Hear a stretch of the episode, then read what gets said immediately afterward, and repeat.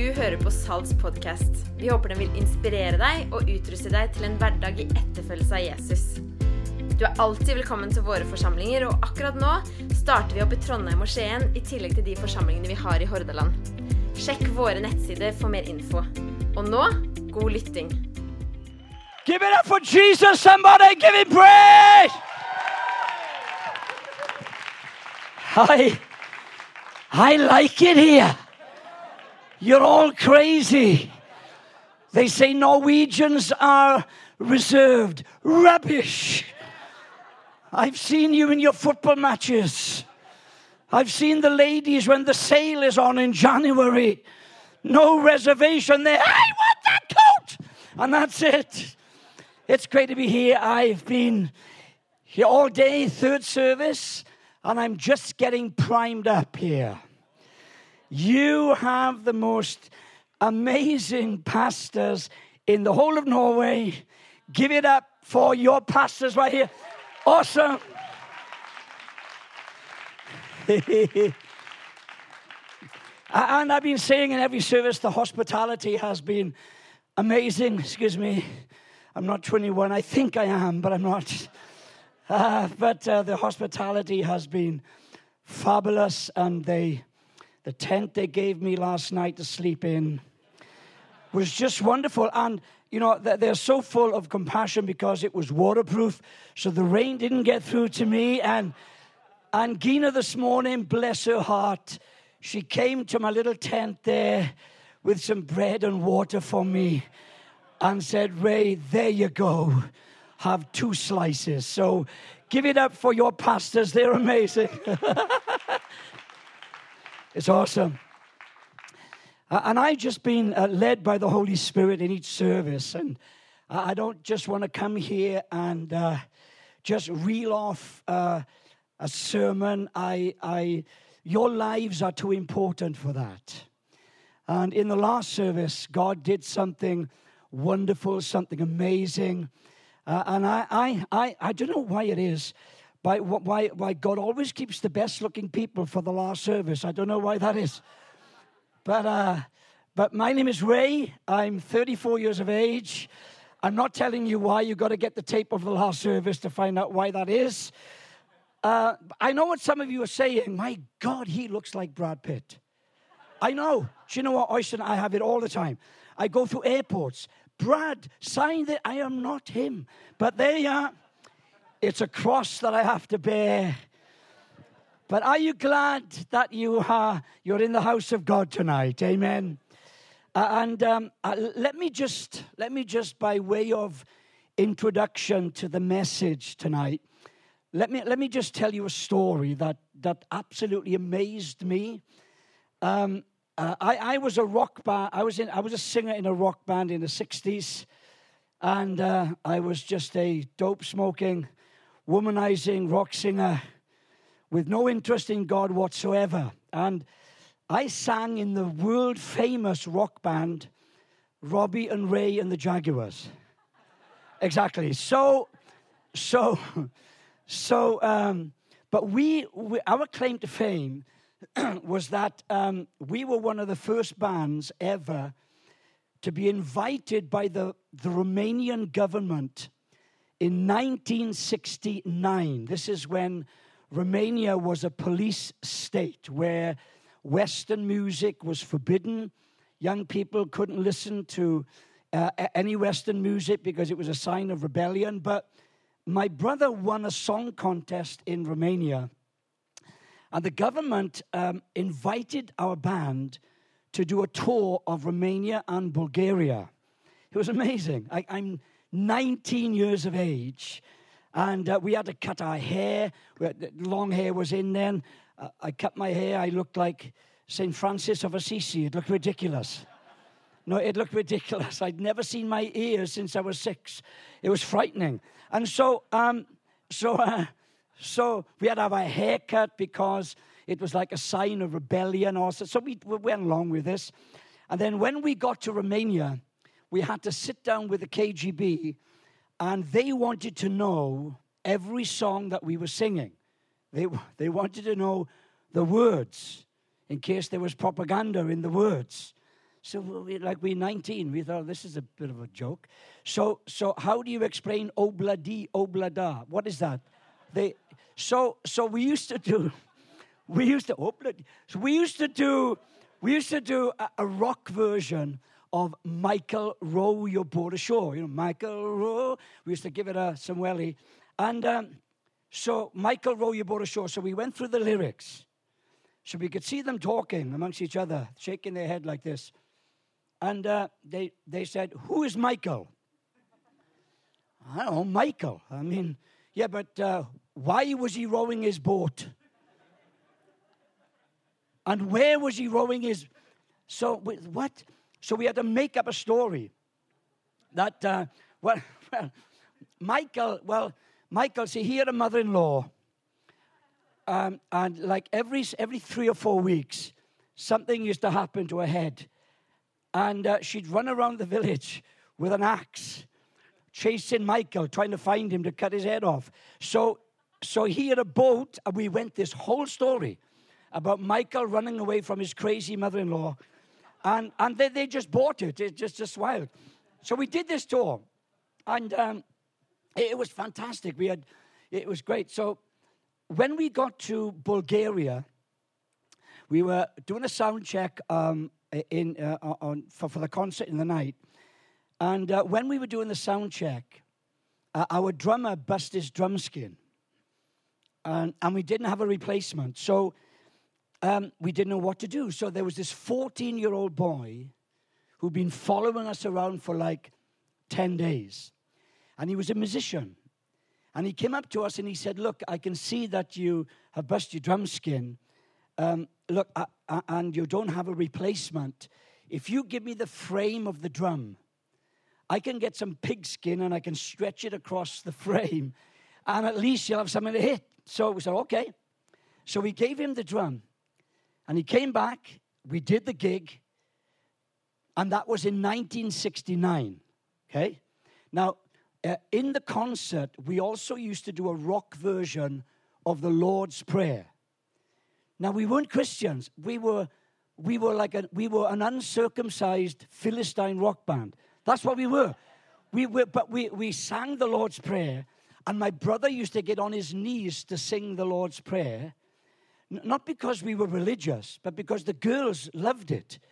They were screaming, Robbie, Robbie, Robbie, going, ah, ah, ah, Robbie. So we, we did it because the girls liked it. But we sang the Lord's Prayer as, as our Father which art in heaven, did the whole thing. So, so every, every, every night, this 14 year old young boy would be listening to this. So that was in 69. I'm going to forward to 1993. That's that's a lot further on, isn't it? to 93. And I'm standing on my platform in my church. And I'm just about to introduce a friend to preach. His name is Casey Treat. And Casey was about to preach. And Casey said to me, Ray, I've got a rock violinist with me. He's from Bulgaria. Could he play before I preach? Now, when he said Bulgaria, I thought, what, what a nice way to, like, pastor's waffle, okay? Uh, so I, I told that story by way of introduction, uh, my connection with Bulgaria. Now he's going to come, I said. Georgian, you come now. And he's standing there looking at me like he's on speed or something. I said, On, fiddle, come. He stood there. I said, What's your problem? He said, I was the boy. Now I'm on speed. I said, What? He said, Ray, I was the boy. I was the 14 year old boy who fixed your drum skin in 1969 in Sofia, Bulgaria. I said, What? Forget the service. What? So he said, Every night your brother used to kneel down and sing the Lord's Prayer. He said, The only time I saw people kneel in my nation at that time was if they were being executed.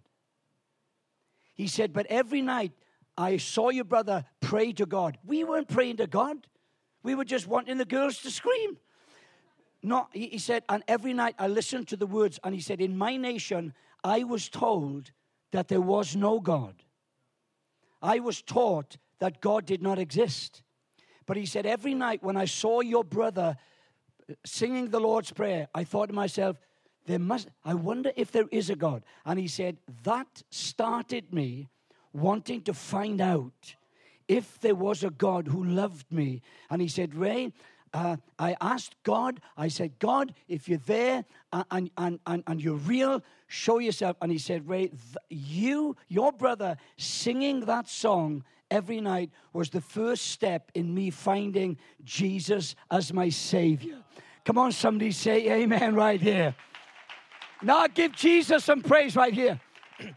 when I heard that, I thought God used an unsaved rock band singing his word to reach a young 14 year old seeker, seeker, empty 14 year old boy in a, in a godless nation.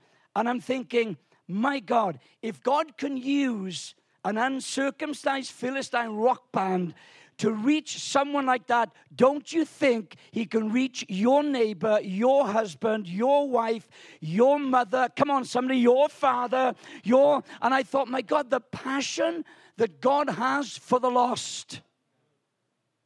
And when I heard the story, I thought, have we, have we missed something when it comes to evangelism? Have we missed something? when it comes to how God sees the people in your life that have not yet received Jesus. You know, I, not so long ago, I was in Africa, and um, uh, every morning I went out for a prayer walk, and they told me, now listen, you have to follow the road with the yellow dot on it because there's wild animals out there. So I got up every morning on a prayer walk, and, I, uh, and then one day I went and I was praying, and I realized after about 30 minutes, there was no yellow dot on the, on, and I was stepping over big, big piles of, it was like huge piles of it. And uh, I'm thinking, and I was praying hard. And then I realized after about 30 minutes, I was totally and absolutely lost in the bush. Stay with me, I'm going somewhere with this, all right? I'm lost in the bush and I don't know where I am. I'm lost. And all I can hear is these noises. I'm thinking, ah! And I don't know where I am, and I'm lost, and I start screaming, help me, help me. And all these noises. And then all of a sudden, as I'm jumping up and down like a lunatic, trying to find someone to help me, this, the, these rangers came over the hill in a jeep, and they saw me. And, and I could see them in the distance looking at each other and shaking their heads. I know what, what they were saying. What an absolute idiot. Look at him. He's out there.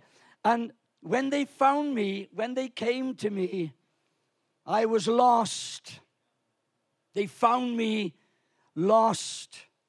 When they came close to me, they didn't stand on the Jeep and start to reprimand me and start to judge me and start to uh, shout at me because I was lost. No, they, they came to save me, they came to help me because I was lost. I didn't want to be lost. I don't know how I got lost. I didn't enjoy being lost. Thank God those rangers heard the cry of someone that was lost and came to rescue me. God's answer in reaching a lost world is not condemnation, but incarnation. He put himself in human form for one reason and one reason alone to seek and to save those that were lost. Come on, somebody say amen. Jesus didn't die like this. He died like this. And I honestly feel that we need to recapture not the command of evangelism, but the cry of the harvest. This is another level. I mean, we can go to evangelistic seminars and we can, we can, you know, the four steps, and, and that's good and that's wonderful to know how to share your faith. But I honestly believe God wants us to catch his heart, to hear the cry of the people in our world that are lost. Come on, somebody say amen. Uh, this is something totally different to what I've been preaching all day. But I honestly believe that effective evangelism is not learning some technique, but it's actually hearing the cry of the harvest. Is this helping anybody here? Uh, I'm going somewhere with this because when God looks at the people in Bergen who are not here, who are not worshiping like we are worshiping, God doesn't see them as uh, anything other than lost. It doesn't say that he came to seek and save the bad. It doesn't say that he came to seek and save the perverted. He came to seek and save the lost. And I know, I know, I, I think sometimes we forget what it was like to be lost. You know, um, I was listening to a program in Wales on the radio, and three doctors were being interviewed. And the interviewer asked them one question. He said, Out of all the people that come into your surgery on a regular basis, is there one problem that you see again and again and again? And I'm listening to this radio program and I'm expecting, uh, you know, the doctors to say something like arthritis or asthma or some, something. But one of the doctors, they paused for a while and one of the doctors said, You know what? He said, I see three problems every single day. When I go into my surgery, I see three recurring problems in people's lives. And he said, I, I find these problems in people under the age of 21. He said, the first one is loneliness, the second one is fear. And the third one is insecurity. And I'm listening to this, and the other doctor said, You know what? I find the same thing. He said, If someone could come into the world and tell people who they are, why they exist on the planet, and where they are going when they die, he would be the only person that could solve the problem. Now, I'm listening to this, and I'm, I want to throw socks at the radio. And, and, and the other doctor said, But you know what? It's a, it's a shame that there is no one like that who can solve the problems. I started screaming at the radio, I do.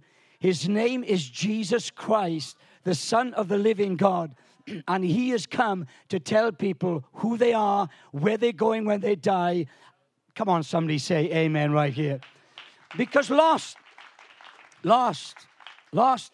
And the thing is, thing is, we have the code. We have the code. I, I, love, I love Star Trek movies. I love sci-fi movies.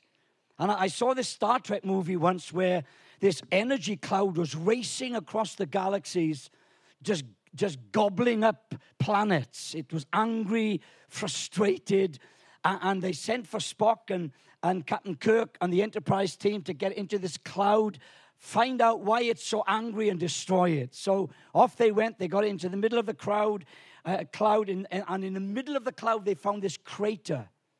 And they walked down into the crater. Spock and Kirk walked down, and in the center of the crater, there was like a, a machine, like a, a probe.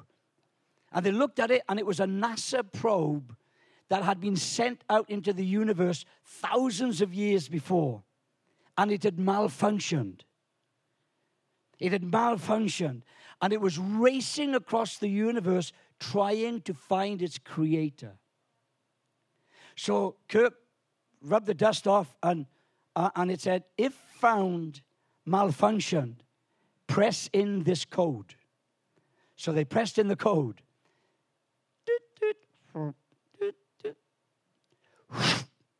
All the anger, all the frustration, gone. You know, there are people in our world. You're going to go to work to, tomorrow. You're going to go to school tomorrow. You are going to go to your university tomorrow. And that person that gets up this nostril and comes down this nostril, that person that you think, my God, stay away from me, this angry, frustrated, hey, listen, you know what? Uh, they're trying to find their creator. They're trying to seek who created them. We have the code. And here's the code 4316. That's the code. The fourth gospel, the third chapter, and the 16th verse says, For God so loved the world that he gave his only begotten Son, that whosoever believes in him should not perish, but have everlasting life. Come on, somebody say amen. We got the code. We got the code. But we've got to hear the cry of the harvest. We don't see people as potential converts, but people that are searching for their creator.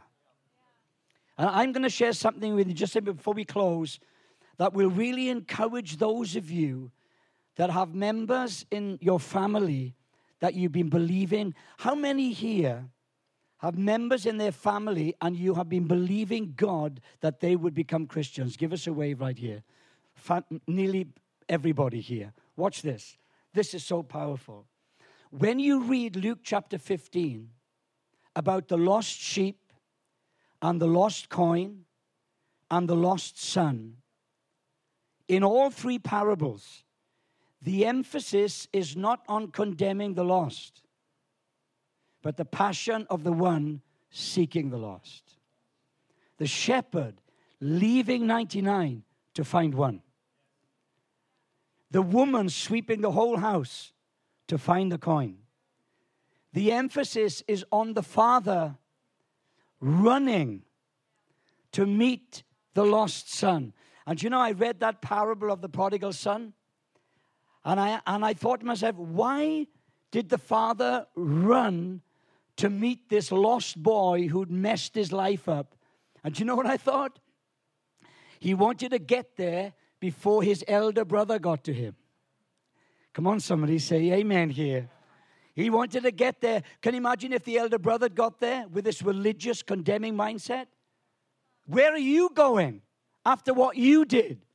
Now, the emphasis is on the passionate heart of the Father to seek and save a lost son. And the reason I'm saying this is because, again, we know a lot about the call to evangelism, a response to a command. Go into all the world and preach the gospel. We got it.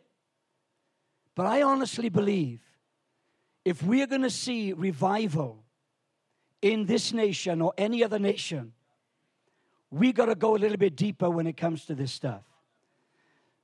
Not just to know about the call to evangelism, a response to a command, but to hear the call of the harvest, a response to a cry. Thank you, Jesus. You know, for seven years, I had the privilege of traveling all over the UK and Ireland, singing and preaching the gospel to young people in schools. I had a great time. And you know what? Do you know where the anointing of God is felt the most? Where it's needed the most. And sometimes I'd go into a school, I'd be the only Christian in the room, a thousand kids, and all the teachers would be lined up around the room. Folks, We've got to get back to believing the gospel is the power of God unto salvation to those that would believe it. God watches over his word. He really does. It's another dimension. And I'd walk onto the platform and I had 10 minutes, sometimes just 10 minutes. This was in the early 80s. And, uh, and, and you know what? I saw God do more in 10 minutes and sometimes we try to do in 10 years. And without fail, I'd get up and I'd start to sing about the love of Jesus and start preaching the gospel. And it was like a blanket would cover the whole hall. Like, and, and, and teachers would be like, like, uh, uh, like atheistic, agnostic teachers would be, tears would be running down their face as the Holy Ghost came in the room. And I said to the Lord once, I said, Lord, why is it that the teachers sometimes are more affected than the children? And he said, Well, the reason why is because they think you are here for the kids. So their defenses are down. So I can get them. Hallelujah. And I saw some, I went to one school, I went to one school, and I, um, I had 10 minutes. The headmaster said, You got 10 minutes. I started singing and speaking at 9 o'clock in the morning.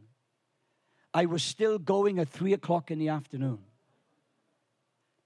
The cry of the harvest. The headmaster said the whole school has to hear this.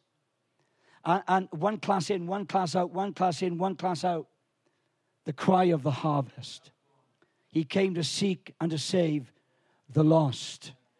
And there was, I remember in one, in one school, there was a young lad sitting at the, at, at the back. Um, his head was shaved. He had tattoos everywhere. He had pins there, pins there, pins everywhere. It was just amazing. I thank God I was a teenager in the 60s. It was less painful then. We used to put flowers in our hair. Now it's anyway, so so so I'm preaching, and this teacher came up to me and said, Wait, can't understand something. I said, What? He said, That boy there, see that boy there? We keep his attention for 10 minutes. He gets bored. We put videos on, he gets bored. He's been in here for four hours listening to a message that I just think is irrelevant. Why is he here? I said, Because he's lost. And he's listening to someone coming to tell him about someone who says, who tells him that he loves him just the way that he is. And he's come to seek and to save him and to fill his life and to make his life worth something and to give him an eternity. Come on, somebody say amen right here. The gospel is the power of God. He come, he's come to seek and save the lost. We have to catch that heart. This is not a formula. It's the cry of the harvest. I'm in one school. I walk into a classroom. Is this this helping anybody here? I don't know why I'm going down this direction, but I, I'm, I'm obeying the Holy Ghost here. And I'm, I'm in this classroom. And I walk in the classroom, and there's a young girl on the front desk. And her head was down on the desk, and I could see that she was going through stuff. And I'm there. They didn't know I was there to talk about God. They thought another teacher coming in to talk about some aspect of religion. So before I started, I saw this girl. I said, Lord, what's wrong with this girl? I said, Show me something about this girl that will get her attention. Show me something about her that will tell her you're interested in her. And God showed me her dog. her dog. And, and the dog's name was Patch. And I could see this dog, it had a, a, like a, a, white dog with a black patch over, over, its, over its eye. And I said, Hi, love, how you doing? Uh. I said, How's Patch doing? My God. Her face went up. She thought I was some sort of witch or something. She said, How do you know about my dog? And I said, Well, you know what, love? I came in here and I saw your head on the desk. And I don't know what you're going through, but I'm here. God has sent me here to talk to the class about Jesus. And I saw you there, and I asked him to show me something about your life because uh, to, to, to show you that he's, that he's heard your cry. And so he showed me the name of your dog. How many of you know I had the attention of that girl for a whole hour? Come on, somebody there's another dimension. And you know what? When you go to work and when you, that person next, uh, it, it's about time. Yeah, uh, I'll just finish with this scripture here. The, the cry, there's so much stuff going through my head, but here's the cry. Watch this. Jesus was prepared to go to a place others avoided, to meet a woman others rejected. He heard the cry of a woman who'd had five divorces. He heard the cry. This wasn't, well, I'm going to go down to some area to do some evangelism. He heard the cry. He said, I got to go through Samaria. And he went and he met a woman who was trying to find love in the wrong places. But he heard her cry. He heard the cry of the harvest. And in Jeremiah chapter 8, verse 20, it says this this encapsulates the cry. Jeremiah 8, verse 20 the harvest is past, the summer has ended, and we are not saved. This is not a command for the church to go and reach the unsaved. This is a cry of the harvest saying, When are you coming to get us? Come on, somebody say amen here. And I, I don't know why God has told me to share this very simple revelation with you, but I, I'm here to inspire you that when you go into your world tomorrow, don't go in with some technique.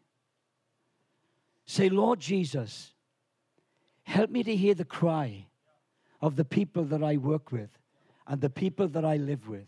Now, I'm going to finish with this. Uh, again, thanks for listening. I hope this has helped you tonight, you know. But I, I want to finish with this because I know there are people here who are believing God to save members of their family. When I got saved, I sang in the same band as my brother.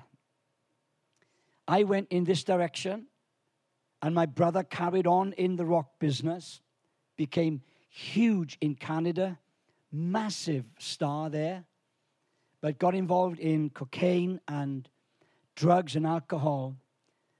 And in his early 50s, he ended up singing in a whorehouse in Thailand. And he was dying. And um, I knew that uh, he had not long to live. And so I felt I had to go down to Thailand to try and lead him to Jesus. Now, you know what it's like with family members, right? You leave scriptures everywhere, they know what you're doing. right? They go into the toilet. Jesus needs you. That'll help you. And, uh, and, and we leave all these tracts, and that's wonderful and good. But watch this. I done all that. But I, I just, I wanted to be sure that my brother was saved. So I'm walking around the streets of, of Phuket. My brother is dying in the hospital. And then this verse came to me Pray the Lord of the harvest that he sends laborers into the harvest. So, right there in Phuket, I said, Jesus, would you please send a laborer to my brother? The following day, I'm walking down the street an American guy stops me and he says, Are you Robbie's brother? I said, Yes. He said, My name is Aaron. I'm an American. I'm a backslidden Christian. And I've been living down here for five years and I'm ashamed at what I've been doing. I said, Why are you telling me this?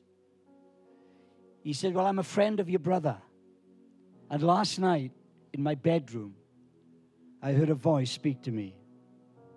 I haven't heard that voice for a while, but I knew it was Jesus. And he said to me, Go down to the hospital and lead Robbie to me. I'm like, Whoa, it's another one of them. And I said, So what happened? So he said, I had to ring my pastor in America to ask him how to do it. So he freaks out. He said, Last night I went down to the hospital and I held your brother's hand.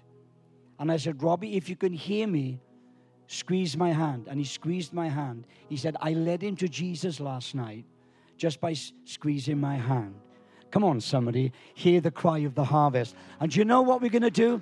Are we having communion? We're having communion right now. And this is what, what I'd love you to. I'm going to um, hand back to Pastor Oyston in just a moment. But when you take communion, realize why Jesus died. He came to seek and save the lost. And when you take the bread and take the wine, say, Jesus, help me to hear the cry of the people that I work with and live with. And not only that, for the members of your family that are not saved, say, Jesus, send a laborer to them. Send a laborer. Do you know what? I believe as a result of this meeting, hundreds of people are going to find Jesus as their Savior. If you believe it, give praise to Jesus.